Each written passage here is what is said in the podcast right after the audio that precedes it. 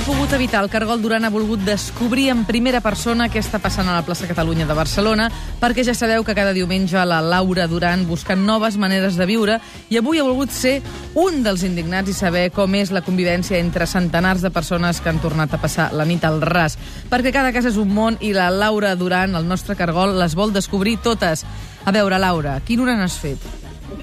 fàcil. De moment, l'una que n'he fet ha estat eh, indignar-me i manifestar-me, perquè estic ben bé al mig del Rovell de l'Ou, al mig de la plaça Catalunya, on a aquesta hora comencen, alguns dels que encara estaven dormint, comencen a despertar-se, esmorzen i comencen ja a preparar les activitats que hi haurà durant tot el dia aquí a la plaça Catalunya.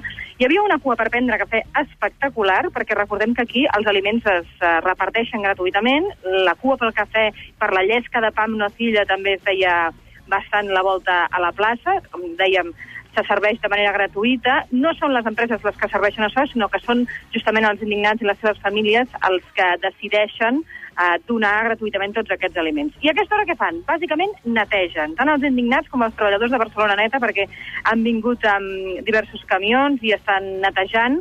Um, alguns fins i tot posen lleixiu al terra perquè expliquen que l'assemblea d'ahir va acabar bastant tard, i la cosa va quedar més o menys bruta i a aquesta hora, bàsicament, el que es dediquen és a netejar. I es comença a barrejar mm, tota mena de personal, perquè evidentment hi ha les persones que porten aquí cinc dies, més els turistes, que són una barreja realment exòtica. T'he de dir que aquelles ulleres de sol grosses, aquella pell cremada que porten molts alemanys i italians, eh, doncs real, realment és com una combinació estranya barrejada amb tota persones que porten mantes a sobre que encara estan dormint al mig del carrer. Què sona de fons? I Shout the Sheriff, de Bob Marley. L'he sentit com 100 vegades aquest matí ja, perquè és el que sona pels altaveus d'aquí de la plaça Catalunya. Els ànims, t'he de dir que encara estan en forma, però començo a veure cares de cansament. Alguns em confessen que només han vingut a passar el cap de setmana i que, per tant, quan arribi aquesta tarda, doncs, cap a quart de set, les vuit, tornaran a marxar cap als seus llocs de treball, cap a casa seva. Per tant, la manifestació sembla en aquest cas, la concentració sembla que serà una mica més petita en els propers dies. Cartells interessants, per exemple, més cultura, menys cara dura. Uh, junts i organitzats podem contra els mercats. Un que m'ha agradat molt, que tu segur que t'encantaria, Tati, és el Toi Indignao. Toi Indignao hi ha un cartell gegant d'un toi, com aquells que ens agraden a nosaltres, amb el toi indignau. Després trobem el clàssic Vull sortir a l'APM. Uh -huh. uh, després trobem una estaca molt bonica que hi ha ben bé al mig de la plaça que diu si estirem tots, ella caurà, que és un, una manera de parafrasejar Lluís Llach amb la seva estaca. I després ja trobem uh, els clàssics Ens hem cansat d'aguantar i no dir res, que això també és una, frase d'aquestes de l'APM i un munt de, de, de símbols que signifiquen que d'aquí no volen marxar. Tot i això, eh, com dèiem, n'hi ha alguns que m'han confessat que aquesta tarda marxaran. Abans de marxar, votaran en B alta, perquè avui eh, la majoria de les persones amb qui he parlat m'han dit que no aniran a les urnes, però en canvi fan una, un acte simbòlic amb pilotes de bàsquet i pilotes de futbol que eh, es dedicaran a votar-les i aquest serà el seu acte per votar avui aquí. Jo, abans d'explicar-te algunes històries boniques, vull que escoltis quins són els motius que m'han dit les persones que han estat dormint aquí avui i els últims dies que els fa seguir aquí encara unes hores més. Escoltem-los. El que volem dir és que els joves sí que treballem, que no és que no fem res, ni ens interessi la política, ni ens interessi la societat, ni no estudiem.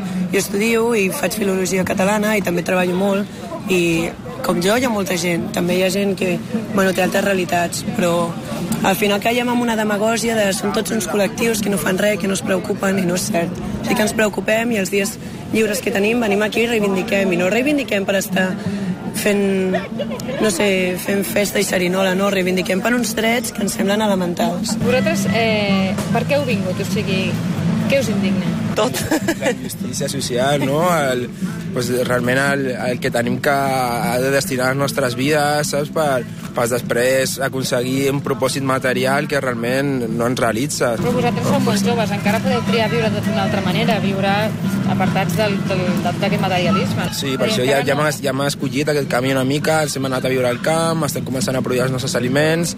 Estoy apoyando esta manifestación de la gente joven, que yo ya tengo 63 años y me parece, me parece que es una decisión de las, de las más justas que hay que, tomar. No hay otra alternativa ya con los políticos que tenemos enfrente los banqueros que nos tienen apresionados y una cantidad de, situaciones anormales en nuestro país que, que hay que tomar una decisión de este tipo, no hay otro. Aquestes Ara, ara. Per si no l'havia sentit TikTok. encara aquest matí. Ara, ara, sí. Ha estat diverses vegades. Bé, també s'ha conegut alguna història interessant que no ha volgut eh, per repars micròfons de Catalunya Ràdio. Per exemple, he trobat un mestre d'universitat que em diu que fa tres dies que està aquí, eh, que viu en una cadira de rodes, ha estat aquí també amb aquestes condicions, m'explica que el sistema universitari actual eh, no serveix per formar bons professionals i que els que surten, la majoria acaben tenint problemes molt greus per trobar feina. Aleshores, ell forma part de la Comissió d'Educació. També he conegut aquesta parella de balls que podíem sentir, que, que ell és enginyer, ella és psicòloga, han deixat la ciutat, han anat a viure al camp, comencen a, a crear també i a conrear els seus propis aliments. Una infermera de la clínica em diu que porta dies aquí donant sobretot crema solar, aigua, medicaments i un invent molt útil, que són barrets de paper fets amb paper de diari. Home, realment necessari, sobretot perquè aquest cap de setmana però Sí, ha coincidit amb dos dies de calor. sol, exacte. I la canícula aquí, dic una cosa, aquí fa molta més calor que a Diagonal 614, ja t'ho diré. Doncs, no sé si per la concentració de gent que hi ha o simplement perquè és tot asfalt, eh, Mhm. aquí fa una calor bastant insuportable. També he conegut un matrimoni amb una nena, en fi, m'he fet amiga de tothom. Tati, Molt bé, evidentment, amb el teu encant personal no podia ser d'una altra manera. Sí. Laura, moltíssimes gràcies per fer-nos aquesta fotografia en moviment i tan, tan, tan auditiva de, de les imatges que es poden trobar encara avui dia a plaça Catalunya. Com explicava, segurament perquè acaba el cap de setmana i perquè la gent ha de tornar a les feines, segurament molts o alguns abandonaran la plaça, tot i que d'altres es quedaran. El que passa és que molta gent segurament s'endurà a casa, però deixarà la seva indignació a plaça Catalunya o continuarà amb la seva indignació a, a, des de casa seva. El que vull dir és que segurament d'alguna manera podran continuar amb el fons i no amb la forma, però això no els hi treu valor. Lau- Laura, moltíssimes gràcies per haver fet aquesta connexió i aquesta imatge tan, tan, tan extensa i tan completa que ens envies des de plaça Catalunya. Que vagi molt bé. Vinga, fins ara mateix. Adéu-siau, adéu. bon dia.